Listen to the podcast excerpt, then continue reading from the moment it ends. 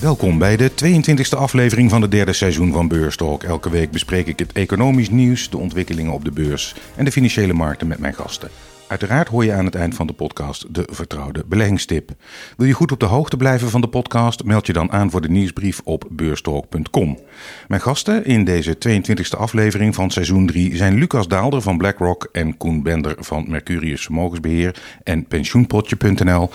Welkom. Als we kijken naar het sentiment, dan kunnen we maar één ding zeggen. Beleggers zien de zon schijnen. Januari zit er voor de helft op en het verlies van vorig jaar wordt in rap tempo weggewerkt. Deze week wint de AEX uh, 2,8 procent. Lucas, denk je dat het sentiment, het positieve sentiment, nog wel even aanhoudt? Nou, dat is altijd heel moeilijk te zeggen. Op korte termijn kan het natuurlijk alle kanten op. Uh, het is op zich opmerkelijk hoe snel het gaat. En wat vooral, uh, wat mij betreft, het meest opvalt, is het, dat uh, de rest van de wereld het beter doet dan Amerika. En dat is niet alleen een trend van zeg maar, de laatste, nou, de eerste twee weken van het nieuwjaar, maar ook daarvoor zag je eigenlijk al dat Amerika in relatieve termen achtergebleven is. Dat zag je in 2022, maar je ziet het nu nog steeds. en deels heeft dat te maken met de, de sectorsamenstelling. De Amerikaanse aandelenmarkt die heeft natuurlijk wat meer groeiaandelen in zich. En die hebben hardere klappen gekregen eh, toen die rente opliep. Maar er spelen ook gewoon andere factoren, zoals uh, de dalende gasprijzen. Die werken in dit geval in het voordeel. Uh, dus je ziet een, een zeer, in China, de, zeg maar de herstart van China is ook duidelijk iets wat ja, met name ook voor de emerging markets tot een positief rendement leidt. Maar per saldo, de, de afdronk is duidelijk. zonder meer een heel stuk vriendelijker dan vorig jaar. Koen, hoe kijk jij naar deze ontwikkeling in januari aan? Tot nu toe? Ja. En wat verwacht jij voor de nabije toekomst? Jan, januari is, een, is natuurlijk een hele belangrijke een maand. Een oud beursgezegde wat zeker vorig jaar op is gegaan. As goes January, as goes the year. Maar januari is nog niet voorbij. Uh, ja, hoe, hoe kan ik kijken? Het scenario is uh, eigenlijk dat alle signalen steeds meer wijzen op een zachte landing. Uh, we hebben een, een, een, banenmarkt die sterk blijft zonder dat we hele hoge looninflatie hebben. En we hebben zelfs twee vetleden in de afgelopen week gehad die uh, gehint hebben dat ze inderdaad uh, misschien wel eens een einde zou kunnen komen aan de hele felle renteverhogingen die we gezien hebben. En als het betekent dat we aan, de, aan het einde van die renteverhogingscyclus zijn ja, dan, uh, uh, dan kan er ook wel weer wat ruimte voor de toekomst zijn. En dat, en dat zie je nu gebeuren. Er is nog een vraag over binnengekomen. Waar we in december nog te maken hadden met flinke dalingen, zien we vanaf 2 januari opeens flinke stijgingen. Nou, dat hebben wij ook geconstateerd. Is dit nou een typisch voorbeeld van het januari-effect? En moeten we een verklaring van deze stijging dus wellicht meer kijken naar emotionele factoren in plaats van rationele factoren? Ja, ik vind dat wel mooi. Al die kalendereffecten die worden op één hoop gegooid. Er zijn meerdere mensen die andere interpretaties geven van het januari-effect. Volgens mij is dat de correcte interpretatie van zoals januari gaat, gaat de rest van het jaar. Maar je hebt ook het januari-effect. De eerste week van januari bepaalt de rest van het jaar. Als je naar alle kalendereffecten kijkt, is het januari-effect eigenlijk een van degenen die het minst overeind blijft staan. Dus uh, statistisch gezien klopt hij niet. Mm. Het, is een, het is een mooi gegeven. Je, je, hebt, je kan je ergens aan optrekken en dat je denkt van... goh, januari ging lekker, dus dan zal het de rest van het jaar ook uitkomen. Statistisch is dat eigenlijk niet heel erg sterk. Nee. Uh, zeg maar, een van de sterkere elementen is toch wel wat, wat je de Santa Claus Rally noemt. Uh, en dat is dus echt gewoon de, de laatste week van het jaar... en dan de eerste twee dagen van het nieuwjaar. En die heeft dit jaar ook wel weer een positief rendement opgeleverd. En als rationele factor zou je kunnen aanvoeren... Hè, waarschijnlijk een zachte landing of de, de hoop op een zachte landing. Ja, uh, signalen uit de, uit de economie die daarop wijzen. Uh, een CPI-cijfer dat goed is. Uh, althans, precies in wat je zou willen in dat scenario. banenrapport wat ook op dat scenario wijst. Dus dat zijn gewoon hele sterke rationele factoren. Mooie start dus voor aandelen. Als jij kijkt naar de obligatiemarkt voor 2023, Lucas. Nou, dat uh, heeft in principe ook wat, wat positiever uh, uh, klanken laten horen dan in elk geval wat in 2022 hebben gezien. Hè. 2022 was natuurlijk het jaar van ja, de totale ja, correctie op obligatiemarkt. De slechtste resultaten sinds mensenheugenis. Zeker als je een, een all-in obligatiebelegger bent, heb je daar hele slechte rendementen behaald. Nou, dat, die eerste twee weken laten daar duidelijk een kentering zien. de vraag is natuurlijk in hoeverre dat, dat doorzet. En ja, ik denk wat dat betreft dat, dat dat volledig zal gaan afhangen van de verdere ontwikkeling van de inflatie. En inderdaad hoe centrale banken hun beleid zullen blijven vormgeven. En wat dat betreft ben ik ja, ik ben wat minder optimistisch over die soft landing. Ik denk eerder dat, dat er wel degelijk uh, gevaren liggen dat, dat we uh, nog in een recessie terechtkomen. Uh, en ook als ik kijk naar wat de markt nu inprijst voor, voor het rentebeleid, denk ik dat de markt eigenlijk veel te optimistisch zijn, met name voor Amerika. En waar komt die recessievrees bij jou vandaan? Nou, kijk, de recessievrees is niet zo heel moeilijk te, te duiden. iedereen zegt van ja, god, het gaat goed met die inflatie. En kijk eens naar de, Nederland, naar de gasprijzen, die staan nu nog maar op 60 en die stonden eerst op 360. dus die inflatie valt weg. Nou ja, zelfs als, zelfs als, en dat is een grote als, zelfs als die, uh, inflatie, die, gasprijs op 60 zouden uh, uh, blijven hangen, wat niet helemaal waarschijnlijk lijkt, maar stel dat het zo is, dan heb je nog steeds te maken met een verdrievoudiging van de gasprijs ten opzichte van, laten we zeggen, de tien jaar daarvoor. En dan kan je wel zeggen van, nou, inflatie is weg, ja, maar dan heb je nog steeds wel te maken met een verdrievoudiging van de prijs van energie, waarmee je je economie voor een groot deel laat draaien. Ja, dat, dat gaat hoe dan ook pijn doen. Dat is één. Twee, uh, de renteverhogingen die tot nu toe zijn doorgevoerd, ja, daar zit altijd een behoorlijke vertraging tussen een renteverhoging en wat de impact op, op uh, de economie is. Uh, je ziet het nu eigenlijk al heel erg sterk terug in bijvoorbeeld de, de ontwikkeling van de huizenmarkten. Dat zie je in Nederland, maar dat zie je in Amerika ook. Dus eigenlijk, eigenlijk alleen maar de prijzen. Maar met nog een keer een vertraging van zes maanden krijg je dat ook echt in de activiteit te zien. En dat betekent dus eigenlijk dat de renteverhoging die we tot nu toe al hebben doorgevoerd, met name in de VS, die gaan op een gegeven moment ook echt wel pijn doen. Uh, en wat dat betreft, ja, uh, we kunnen het erover hebben dat het misschien niet een hele lange, uh, durige recessie zal zijn, maar dat er eentje komt, ja, dat lijkt mij eigenlijk nog steeds wel heel duidelijk. Het lijkt Lucas duidelijk dat er een recessie aankomt. Bij jou ja, ik, nou ja, of het een recessie wordt en hoe lang die gaat duren, dat, dat is, uh, laat ik even in het midden. Maar wat het gevoel dat me heel erg bekruipt, is dat we. Uh, we hebben een, een, reset naar voor, eigenlijk voor de COVID-periode. Wat je, wat je gezien hebt, is dat er heel een ontzettende groei is geweest van allerlei. A, de rente ging nog verder omlaag, die ging negatief. De rente is in een jaar tijd met 400 basispunten min of meer op 10 rente gestegen. Je bent daarmee terug op een renteniveau van 2009 in één keer. Uh, wat we tegelijkertijd gezien hebben, er is gigantische krapte op sommige sectoren van de arbeidsmarkt. Neem de horeca, die moeten gewoon sommige dagen dicht omdat ze geen personeel hebben. Als we nu gaan zien dat het personeel. Hè, we hebben ontslagrondes. Uh, uh, Goldman, Meta, allerlei bedrijven die nu opeens mensen op straat zetten. En toch loopt die werkloosheid niet op. Uh, dat zorgt ervoor, althans wat ik denk, is dat de banen die erbij gekomen zijn in die COVID-periode, ook bij bedrijven die eigenlijk helemaal geen winst maakten. Maar dat vonden we allemaal oké, omdat de rente toch nul was. Dus we hebben de tijd om te wachten tot zo'n bedrijf wel nog een succes wordt. Nou, daar is nu een streep onder getrokken. We gaan dadelijk al die bezorgscootertjes van vijf verschillende bedrijven, dan blijft er nog maar één over. Maar die andere jongens op die scooter, die gaan weer terug de horeca in of op andere gebieden uh, uh, wat zoeken. Dus je krijgt een reset, denk ik, van de economie naar een, een, een manier waarop die veel meer uh, twee jaar geleden was. Waardoor het voor sommige sectoren, zoals de horeca, maar misschien ook de bouw en transport, makkelijker is om aan personeel te komen. En, en, en die banen die verdwijnen in andere sectoren. Maar ja, daar, daar hadden ze al geen economische functie, omdat die bedrijven een leuk probeersel waren als gevolg van money for nothing. Ja, ik ben, het op zich wel eens dat inderdaad uh, corona voor een verstoring heeft gezorgd van het normale conjuncturele patroon. Dus uh, veel ruis heeft het stuk opgeleverd. Iedereen is een beetje zoeken. Nou, kijk, naar, kijk ook vooral naar uh, beleidsmakers. Die weten eigenlijk ook niet precies wat ze moeten doen. Centrale banken zijn heel erg de rente aan het verhogen, terwijl overheden juist de boel weer aan het stimuleren zijn. Het is toch een beetje zoeken van hoe moeten we hiermee omgaan.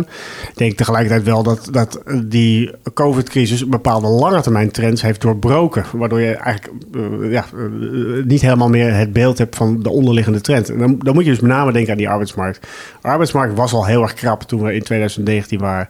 En eigenlijk is die verkrapping onder, ondergronds is die gewoon doorgegaan. Uh, en dat heeft alles met vergrijzing te maken. Gaan steeds meer mensen gaan natuurlijk gewoon met pensioen. Trekken zich terug uit die arbeidsmarkt. En die trend die blijf je houden. Dus uh, we gaan denk ik wat dat betreft toch echt wel...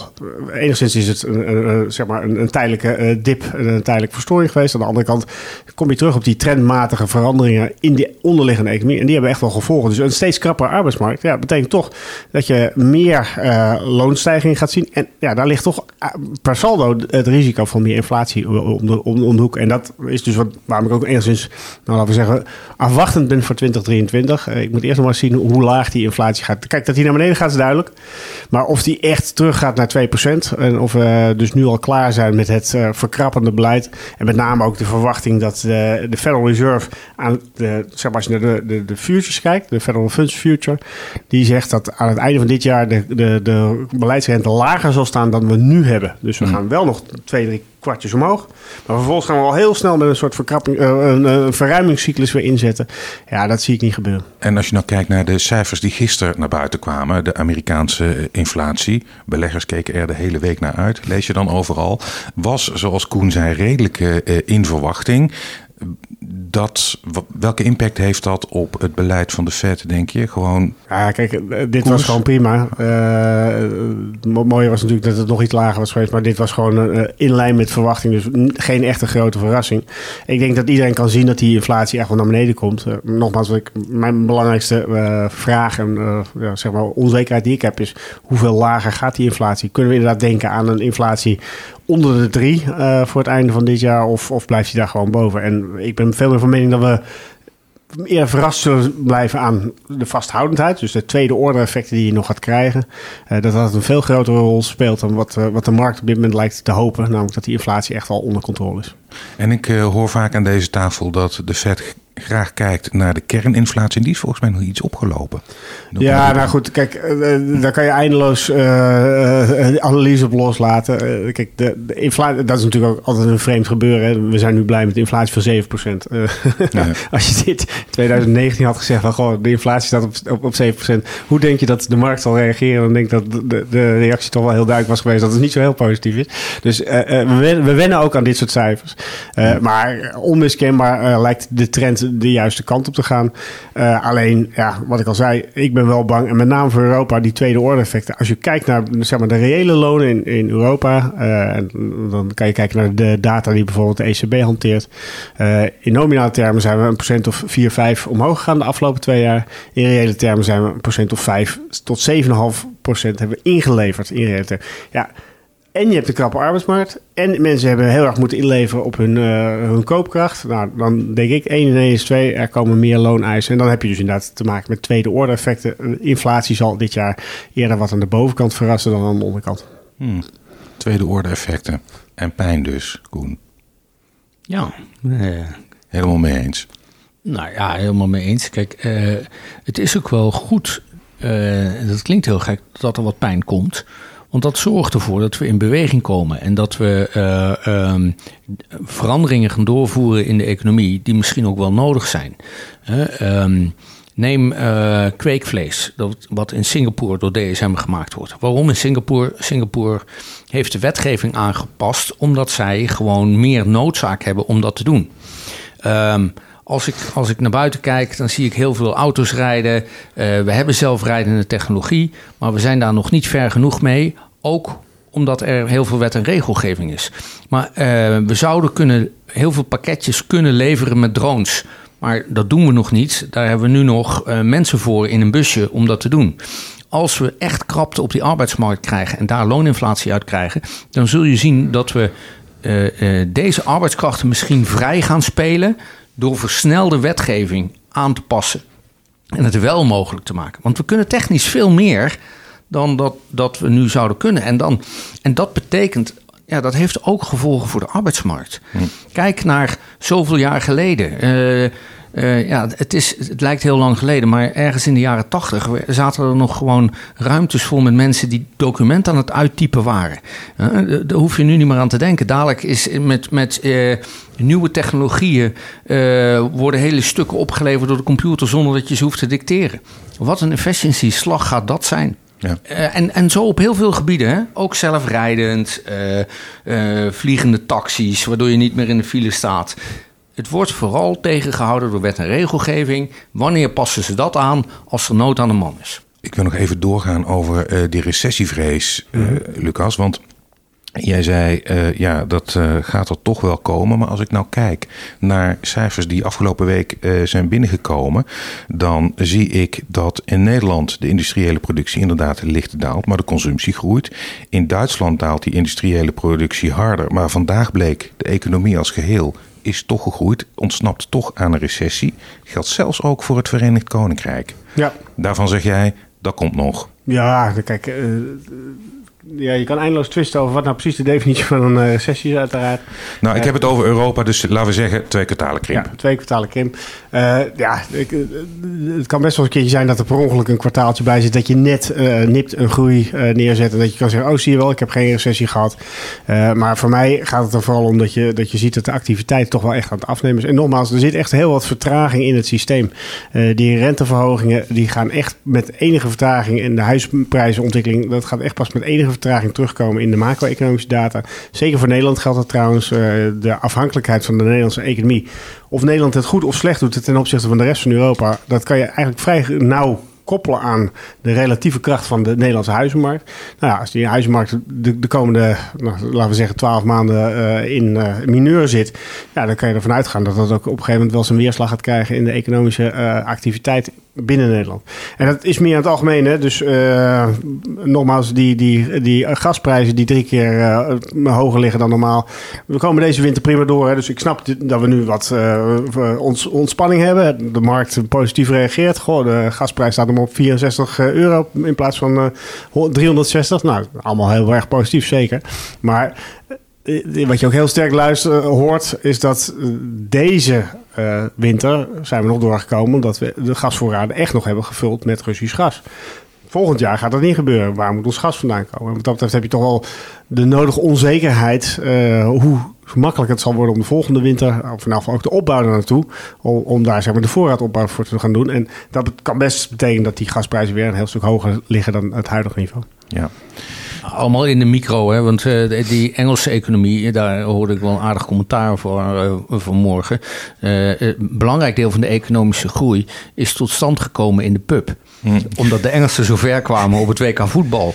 Nou, dat kunnen we van de Duitsers niet zeggen. Maar ja, ja als, als dat het verschil moet zijn waardoor je wel of niet in een recessie komt. er is geen WK voetbal het komende jaar. Dus, misschien moeten we die wel vaker gaan organiseren. Ja, ja, maar dan niet in Qatar. Ja. nee. nee. Maar misschien moet je dan dan inderdaad zeggen, de economie die uh, draait stationair. Nou ja, kijk, ik ben, ik ben uh, nogmaals, ik geloof echt wel dat er een recessie komt. Het enige voordeel is dat we, dat we het met z'n allen zo vaak over gehad hebben, dat het ook geen verrassing is. En dat is bij een, een normale conjunctuurcyclus natuurlijk wel. Uh, alles lijkt fantastisch te gaan, iedereen investeert.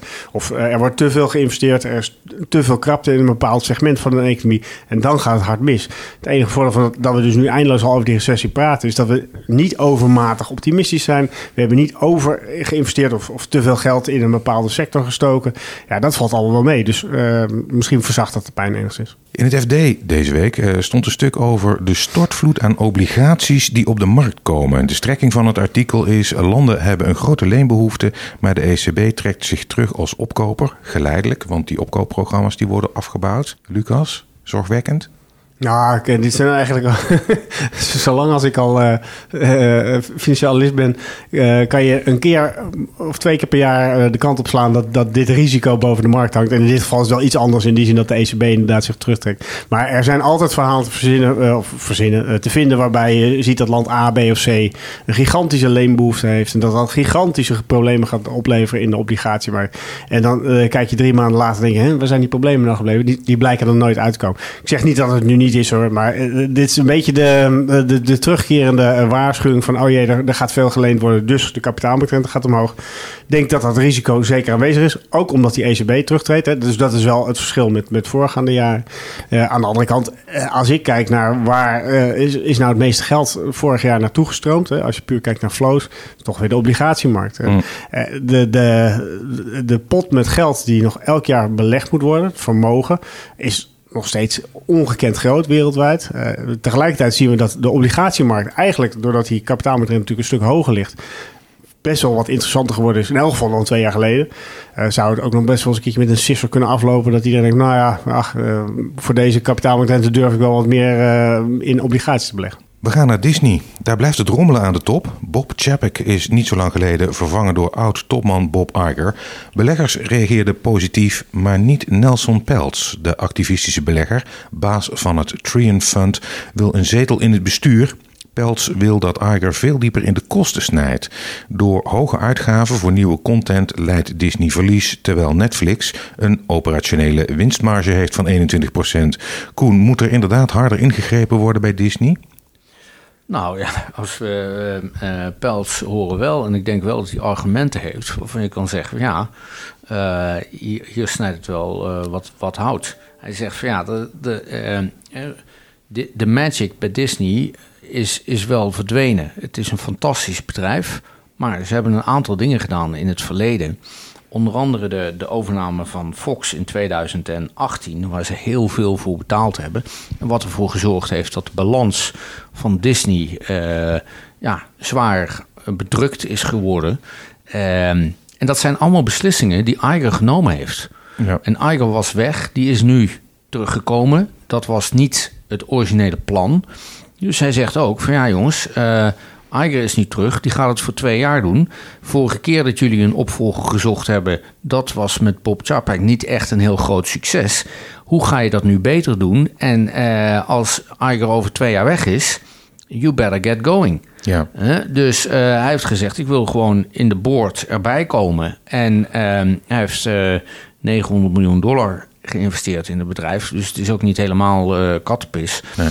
Dus, uh, en, en hij heeft ook een track record die uh, uh, bij, bij andere bedrijven. Of je zegt van nou oké, ja, hij, hij, hij, wordt wel naar hem geluisterd, ja. zou je denken. Ja, hij zit ook bij Unilever uh, aan boord. Maar de positie die hij graag wilde hebben, die is vooralsnog gegaan naar een topper van Nike. Die zit nu in het bestuur van Disney. Dus het zal nog heel spannend worden of hij ook nog een positie nou ja, Disney zit er niet op te wachten. Disney heeft gezegd van nou, wij, uh, wij adviseren tegen dit voorstel van, uh, van Pelt. En, en, by the way, we hebben een eigen kandidaat die we dan nu neer gaan zetten. Dus ja, dit kan nog wel een... een boardroom battle gaan worden. Ja, zeker als we uh, kijken naar Pels. Die heeft wel een reputatie wat dat betreft. Ja, ik denk een leuke serie voor op Netflix. Snijden doen ze ook bij zakenbank Goldman Sachs. Daar verdwijnen 3200 banen. Dat is de grootste ontslagronde sinds de financiële crisis. Goldman Sachs heeft veel last van de teruggelopen fusie- en overnamemarkt. Koen, ooit was Goldman uh, het goudhaantje van Wall Street. Zijn die tijden definitief voorbij, denk je? Uh, zeg nooit definitief, maar dit zijn natuurlijk wel omstandigheden uh, die voor Goldman extra lastig zijn. Hm. Goldman leeft als, uh, eigenlijk als geen ander op de fusie- en overname- en IPO-markt. Die is close to zero hm. het afgelopen jaar geweest. Uh, en daarnaast hebben ze een, een uh, geprobeerd om de consumentenmarkt, en dan met name de online consumentenmarkt, uh, uh, te bereiken. Um, ja, met Marcus heette dat, geloof ik. Ja, ja. Nou, Marcus is, is overleden inmiddels. Hij is een stille dood gestorven. Dat is geen succes geworden. Dus op meerdere vlakken heeft Goldman gewoon toch wel het wat moeilijk onder het nieuwe uh, leiderschap van, uh, hoe, heet, hoe heet ook alweer de DJ? Salomon. Salomon, ja. Uh, die in de voetsporen trad van, van ja, toch wel een hele succesvolle CEO. Dus ehm, ik kan me voorstellen dat daar langzaam maar zeker ook wel wat onrust begint te ontstaan onder aandeelhouders. En dus ook terecht dat jij die vraag stelt: voor goh, kunnen ze hun glans nog hervinden? Uh, aan de ene kant mm, mm, lijkt dat moeilijk. Aan de andere kant, ja, de naam Goldman en hun netwerk ja, is toch wel. Uh, het, binnen de financiële wereld blijft het gewoon een brand. Ja. ze hebben wel een aantal dingen gedaan, onder andere de, de, ja, ja, de overname van uh, NNIP. Uh, ehm, ja. Uh, ik hoop dat ze het uh, succesvol kunnen maken. Maar het zijn wel risico's die ze aangegaan zijn met nieuwe ventures. Terwijl hun core business, uh, eh, IPO en, en bedrijfsfusiemarkt, ja, de afhankelijkheid daarvan, die kern, ja, die heeft ze natuurlijk vol nu de wind tegen. We gaan naar de cijfers en ik wil aftrappen met Fastnet. Bouwer en exploitant van laadstations voor elektrische auto's. Laadomzet is met 177% gestegen. Tegelijkertijd is die omzet wel laag en er wordt geen winst gemaakt. Fastnet haalt vooral veel geld op bij investeerders voor verdere groei. Is dit dan een aandeel misschien voor de langere termijn, Koen? Ja, kijk, een aandeel met deze, deze waardering uh, is zeker voor de langere termijn. Maar het is een, het is een aandeel. Uh, kijk, heel eerlijk, ik had niet gedacht dat ze zo ver zouden komen. En ze doen het wel. Hm. Dus alle, uh, al, alle lof daarvoor. Uh, ze rollen die laatste stations in een, in een straftempo uit. Ze hebben net niet hun doelstelling gehaald. Maar Allah, zijn nu Europees aan het uitrollen. Wij in Nederland zijn al heel ver. Maar de kansen in Europa om daar ook nog heel veel. Kijk, het is een. Uh, zij zijn een van de eerste geweest in deze markt. Ze hebben dus de meeste ervaring. En, dat er, en, en dan ook nog eens in hun thuismarkt, die als een van de eerste was met elektrisch rijden. Nu volgt de rest van Europa. Dus ze krijgen daar, ja, hebben ze gewoon heel veel kansen liggen. Dat heeft Schreuders ook gezien. Hè. Die hebben 75 miljoen aandeel gekocht in het. Uh, in het uh, uh, of 75 miljoen euro erin gestoken.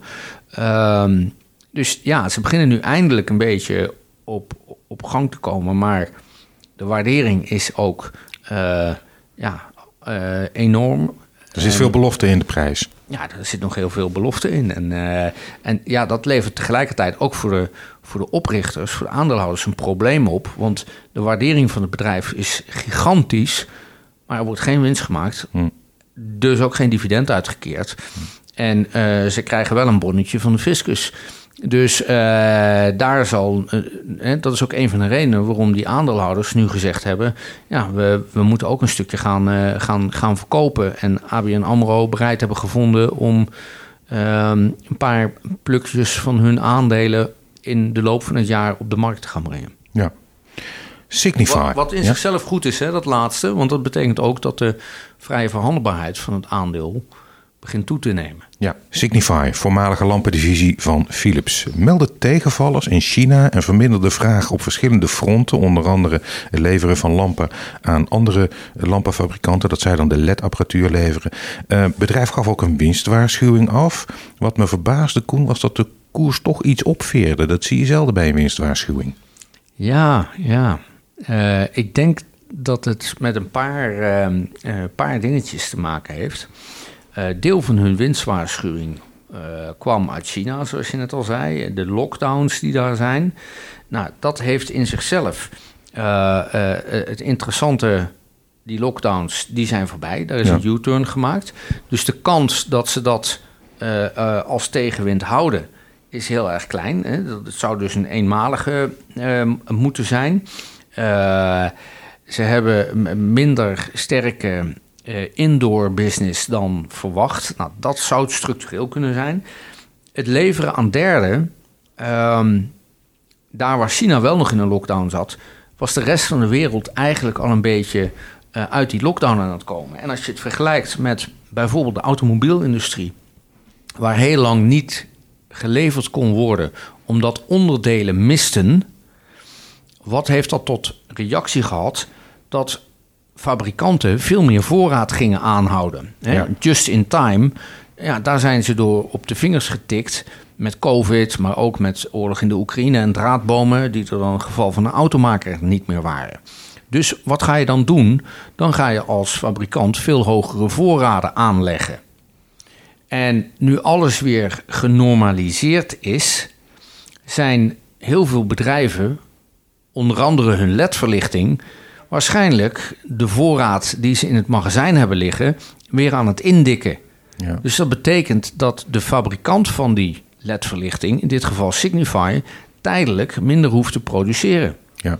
En uh, de enorme uh, vraag die ze dus een tijdje terug gehad hebben, dat ze daar nu de, de, ja, de terugslag van hebben omdat uh, fabriek, ja, sorry, we hebben nog liggen. We hoeven nu even niet bij te bestellen.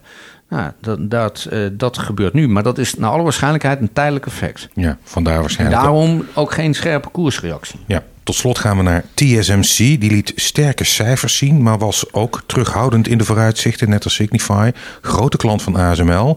Ehm, wat vond je daarvan? Ja, ehm, ja ook daar weer. Hè. Uh, nou, de koers deed het op zich nog heel goed op dingen. Ik geloof een procentje eraf of zo. Is niet heel ze melden tegelijkertijd een recordwinst. Dus dat uh, was uh, positief. Maar uh, zowel nou, een aantal concurrenten, waaronder Intel, hebben natuurlijk heel fors geïnvesteerd in de afgelopen periode om uh, de nou, concurrentie met TSMC aan te gaan. Ehm, we zien wat afzwakking van de consumenten die minder uh, elektronica kopen.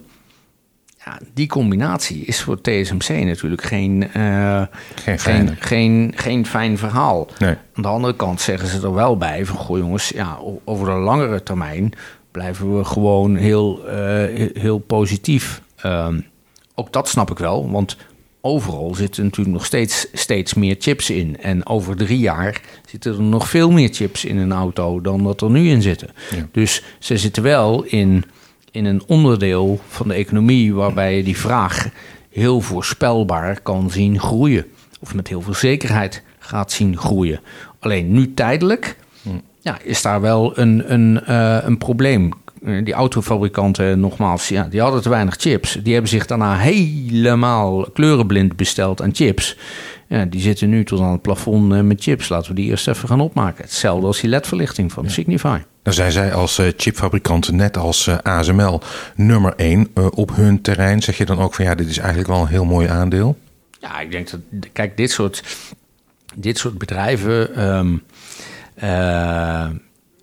je uh, zegt het wel vaker, je belegt voor de toekomst. En, en uh, de, de, ja, als je probeert te zien wat de toekomst gaat brengen, ja, dan is dat een verdere digitalisering. En wat is de kern van digitalisering? Uh, rekensnelheid, snelle chips. dus daarom ASML, TSMC, Intel, al, toch ook de technologie moet, ondanks het feit dat ze in 2022 een soort van rampjaar hebben gehad in, voor beleggers. Overigens, niet alleen beleggers hebben een rampjaar gehad in 2022, maar uh, uh, kun je zien dat dit uiteindelijk het gebied is waar veel meer ontwikkeling in zit. En wat ook heel stabiel is. Ik weet niet of we over 20 jaar nog rijden op uh, fossiele brandstoffen.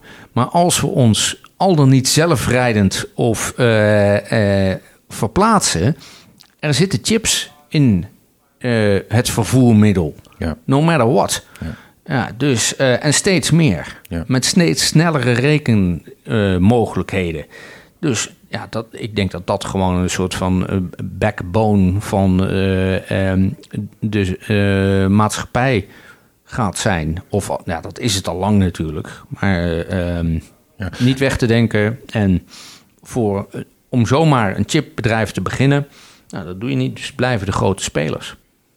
We gaan naar de luisteraarsvragen. En er zijn veel vragen binnengekomen afgelopen week. Uh, als je vraag er niet bij zit, dan wordt die volgende week behandeld. Ik moet het even verspreiden over twee opnames. Uh, ik begin met vraag 1. Die gaat over NIO, de Chinese fabrikant van elektrische auto. Deze autoproducent zag zijn omzet in het derde kwartaal van 2022 met 38,2% stijgen tegenover een jaar eerder tot bijna 1,7 miljard. Op de grafieken zie je dat er groei is. Echter, het financiële plaatje ziet er minder vrij uit. Er is veel geïnvesteerd in de expansie afgelopen jaar. Zo hebben ze bijvoorbeeld een auto geïntroduceerd in vele Europese landen. Nou, dat gaat zo door. Eén nog ding is dat ze met een hele goede charger uh, komen die een auto heel snel kan opladen en daarmee uh, de concurrentie aangaat met Tesla. Vraag aan jouw gasten is: wat denken ze van dit bedrijf? Koen, NIO. Nou, ik zag nu voor het eerst ook een reclame in Nederland van deze Chinese fabrikant. Ik heb er nog geen proefrit meegemaakt. Uh, dit valt ook in de categorie veelbelovende bedrijven. En wat er veel daar voorkomend is, is dat ze een enorme waardering op de toekomst hebben. Uh, laten we een ander vrij bekend uh, voorbeeld nemen: Uber. Uber uh, Twee heeft nu een marktkapitalisatie van ongeveer 50 miljard. Uber uh, had uh, drie jaar geleden voor COVID twee keer zo hoge koers, dus een twee keer zo hoge marktkapitalisatie, maakte toen geen winst, had toen minder divisies, minder veelbelovende ontwikkeling. Uh, als je kijkt wat er in de tussentijd met het bedrijf gebeurd is. Het heeft in het uh, vorige jaar, uh, 2021, in het derde kwartaal voor het eerst winst gemaakt. Dat was 8 miljoen dollar. Afgelopen derde kwartaal, vierde kwartaalcijfers zijn er nog niet, maakten ze 560 miljoen dollar winst. Dus een gigantische stijging die er is, terwijl de koers gehalveerd is. Hm. Waarom? Dat bedrijf wordt volwassen en de waardering uh, gaat naar andere, uh, andere verhoudingen toe, naar andere multiples. En dat, uh, ja, datzelfde werkt bij, bij NIO. En ja, fantastisch dat die auto veel sneller laat.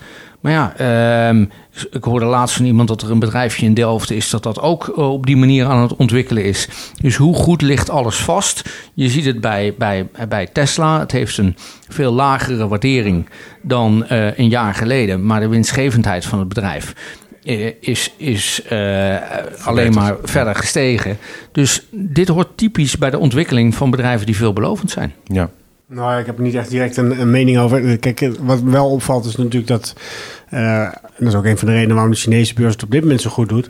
A, de Chinese beurs was op een gegeven moment spotgoedkoop. Hè? Dus dan heb ik het niet over het specifieke bedrijf NIO, maar meer gewoon de brede de beurs. Dus als je de Hang Seng uh, erbij pakte, die stond begin november op een uh, PI van 8,3. Dus een koerswinstverhouding van 8,3 voor de hele index. Hè? Nou, dat is ongeveer de helft, zo niet minder dan wat je in Amerika zag. dat is één. Twee, uh, er is nu natuurlijk heel veel hoop en verwachting dat uh, de wijziging in het coronabeleid, maar ook het loslaten van uh, ja, zeg maar meer de stringente regels die de Chinese autoriteiten de afgelopen twee jaar hebben geïntroduceerd, dat dat gewoon de economie weer behoorlijk vleugels zal geven. Dus je ziet langzaam maar zeker dat de, de groeiraming voor volgend jaar weer omhoog worden getild. En, en, dat kan natuurlijk wel alle Chinese aandelen uh, ondersteunen. Hogere groei is natuurlijk een positieve ontwikkeling voor, ja, althans je mag hopen dat het tot hogere winst leidt. Ja. En op die manier uh, kan je van die, die, kant nog wel een positieve uh, ja, extra rendement krijgen.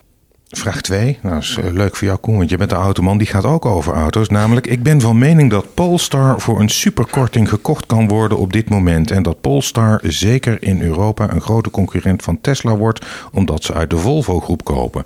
Uh, Polestar maakt de elektrische auto's van Volvo. Dit is voor mij een lange termijn belegging en hoor graag de mening van de analisten.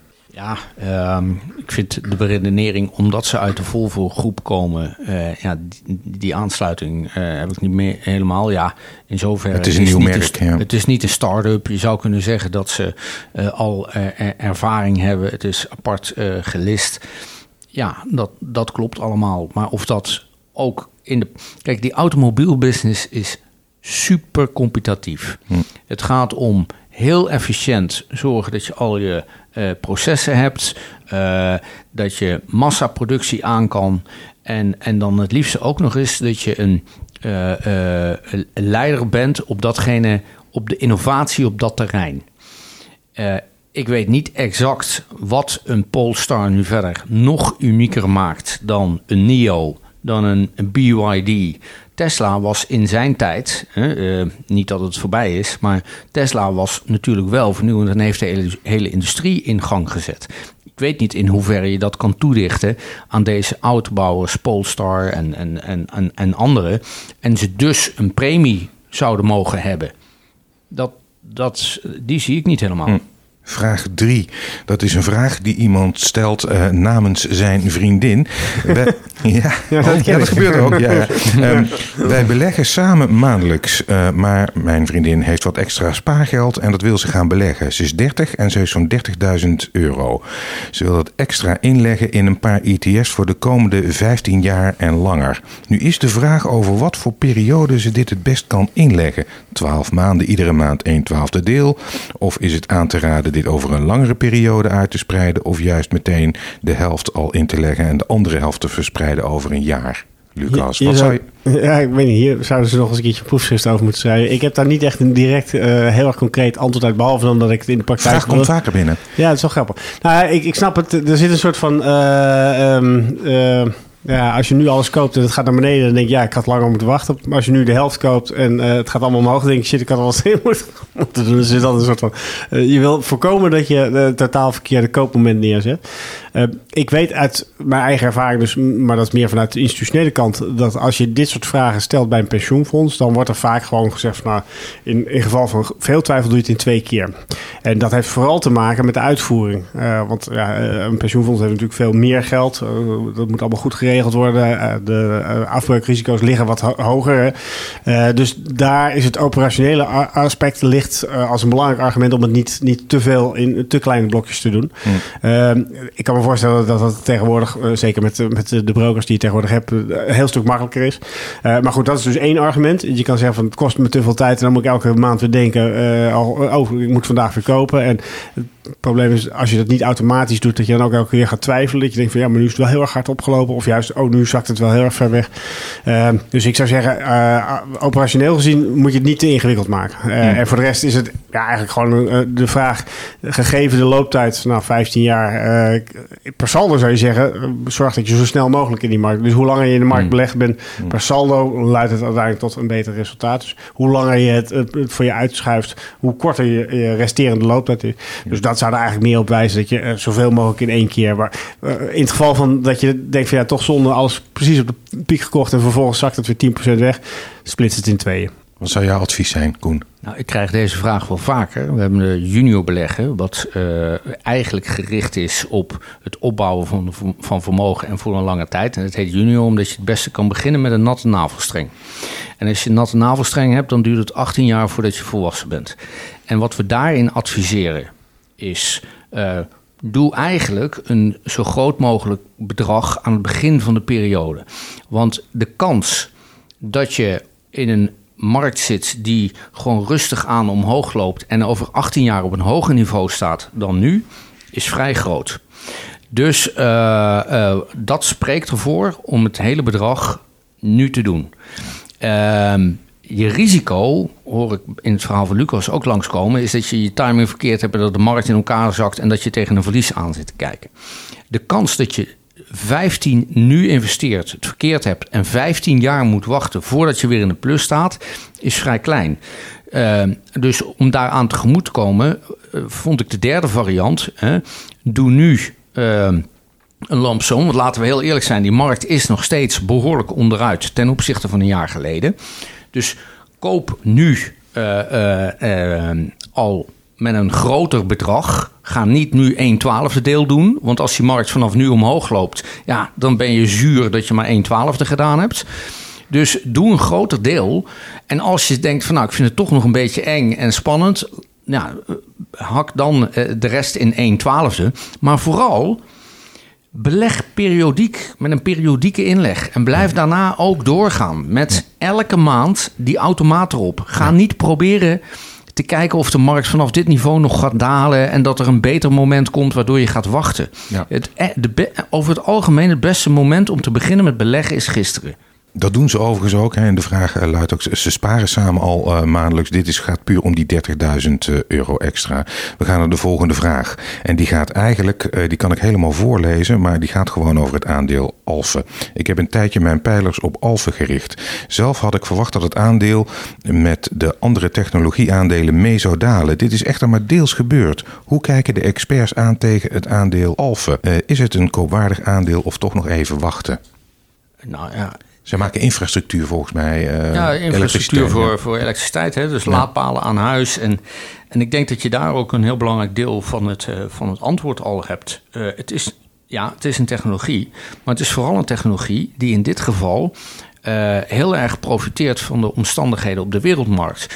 de gasprijs is net al een paar keer langsgekomen. Lucas gaf aan.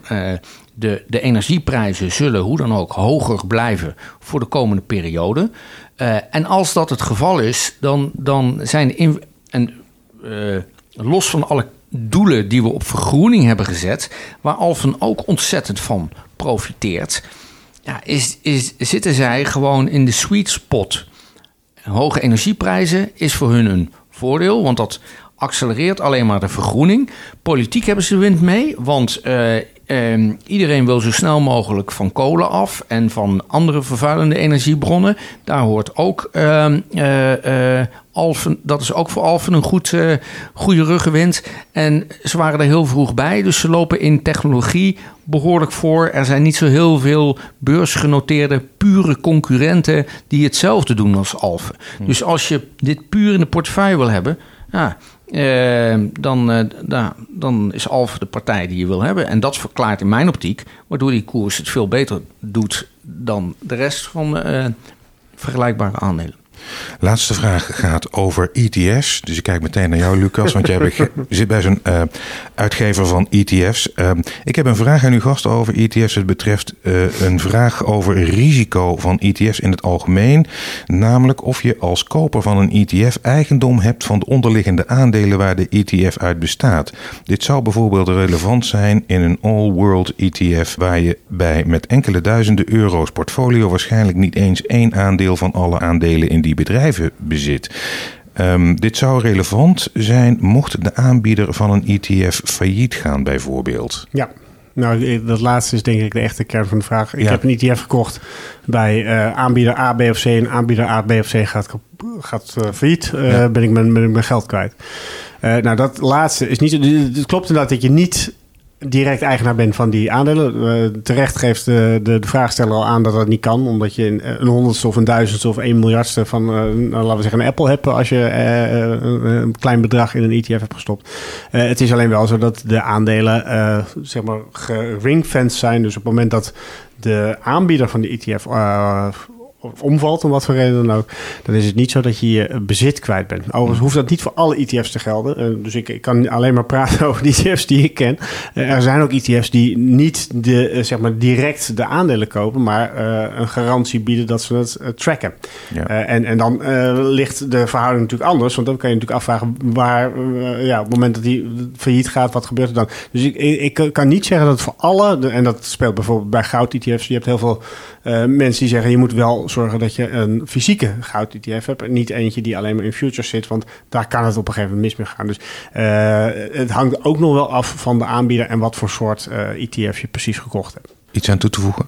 Het enige is dat je, kijk, je wil altijd in mijn optiek denk dat je toch wil kijken naar degene die de onderliggende collateral heeft. Hè? Ondanks ja. het feit dat het, dat het niet op de balans staat van, van het bedrijf. Uh, ik vind het ook wel, maar dat maakt het ook wel weer iets duurder. En uh, daarin moet je dus bereid zijn. ETF's worden vaak geroemd vanwege hun kostenefficiëntie. Maar die kostenefficiëntie heeft dus een grens. En die grens zit hem in het feit dat je, als je, neem goud, als je dat wil opslaan, dan moet je dat in de kluis doen om te voorkomen dat de zware jongens ermee vandoor gaan. En het opslaan van dat kluis, van in die kluis, dat kost geld. Dus een fysieke goud-ETF zal in mijn optiek, maar jij zit daar veel beter in, in die materie, uh, Lucas, is die zal duurder zijn. Hm. Maar er komt een moment waarop je blij bent dat je iets meer geld betaald hebt voor die fysieke goud-ETF. Hm. Dat moet je in ogenschouw nemen. Kortom, liever fysieke ETF's dan uh, synthetische. Nou, dat zou. Ja, uh, er zijn vast ook voordelen voor synthetische ETF's. Maar ik kan me best voorstellen dat er een argument. Uh, zeker voor het geval van, van een illiquide markt. of een markt waarbij je zoiets als goud toch wat afwijkt. Kijk, bij aandelen kan je natuurlijk afvragen. Hè, als je daar met futures. die liquiditeit is natuurlijk heel erg hoog. maar ja, het hangt eigenlijk gewoon heel erg af van de belegger die je bent. Maar als je zeker wil zijn dat je inderdaad niet een soort van zak. nee, een kat in de zak koopt. dan kan je beter met, met fysieke ETF's aan de gang gaan. Ja. We zijn aan het eind gekomen van de podcast. En dat betekent dat je meteen door mag met je tip voor de luisteraar, Lucas. ja, ik ben altijd beroemd om mijn saaie tips. En daar ga ik deze, deze keer ook geen uh, uitzondering op, uh, op vormen. Uh, ik, ja, nogmaals, ik ben nog wel wat uh, afwachtend ten aanzien van met name de economische ontwikkelingen dit jaar. Het kan best zijn dat het allemaal met een sisser afloopt, maar ik zie toch echt nog wel wat risico's op de weg ik vind het heel leuk dat aandelen eh, op dit moment het jaar positief zijn gestart. Eh, maar als je mij vraagt wat op dit moment nou, eh, zeg maar de, de betere risicorendementsverhouding biedt, dan is het met name de bedrijfsobligaties. En met name de bedrijfsobligaties met hoge kredietwaardigheid. Die hebben op dit moment ja, een redelijk aantrekkelijk spread. Zeker in vergelijking met, laten we zeggen, de afgelopen twee jaar. Bovendien is de kapitaalmarktrente, de, de markt al, al algemeen helemaal omhoog gegaan. Dus je rentevergoeding ligt echt aan stuk, is aanzienlijk interessanter dan het twee jaar geleden was. Plus als je puur kijkt naar de kwaliteit van de onderliggende obligaties die je koopt, is dusdanig als er een recessie komt, dat er ook wel voldoende buffer is om eventuele ja, economische tegenwind op te vangen. Oké. Beetje saai, maar... Nou ja, bedrijfsobligaties uh, van goede kwaliteit. Wat is jouw tip voor de luisteraar, Koen? Nou, ik bedenk me net dat we misschien meerdere soorten luisteraars hebben. Er gingen veel vragen over ETF's en over mandjes. En, en uh, ja, dan zit je toch wat meer in welk, welk thema zou je belangrijk vinden. Er zijn natuurlijk ook heel veel mensen die echt een specifiek aandeel uh, leuk vinden om te horen. Dat vind ik altijd een beetje Jacco-stijl. want het kan net zijn dat er een verkeerd persbericht komt. Maar in dat kader, het bedrijf waar we het net over gehad hebben, Uber, uh, denk ik heel mooi gepositioneerd om van de reopening van allerlei vormen van economieën, los van de onderliggende uh, vernieuwing die ze hebben, uh, om daar op in te haken. en qua regio ik ben al langer in, in, in dit programma misschien te vroeg enthousiast geweest over China. Uh, de waarderingen daar zijn nog steeds heel erg laag. Dat vind ik interessant, maar in bredere context kijk ook naar emerging markets. Want ik denk dat dat een, een hele prettige plek is om uh, te verkeren. En ook goed is voor de spreiding van je portefeuille. Ja, dus een ETF in de emerging markets en Uber. Hartelijk dank, Koen Bender van Mercurius Vermogensbeheer en, Pensioenpotje. En pensioenpotje.nl, inderdaad. En natuurlijk ook Lucas Daalder van BlackRock. Dit was de 22e aflevering van het derde seizoen van Beurstalk. Als je wil reageren op de podcast of een beleggersvraag hebt voor mijn gasten, mail dan naar rob.beurstalk.com. Voor de nieuwsbrief kun je ook aanmelden op de site beurstalk.com. Dank voor het luisteren.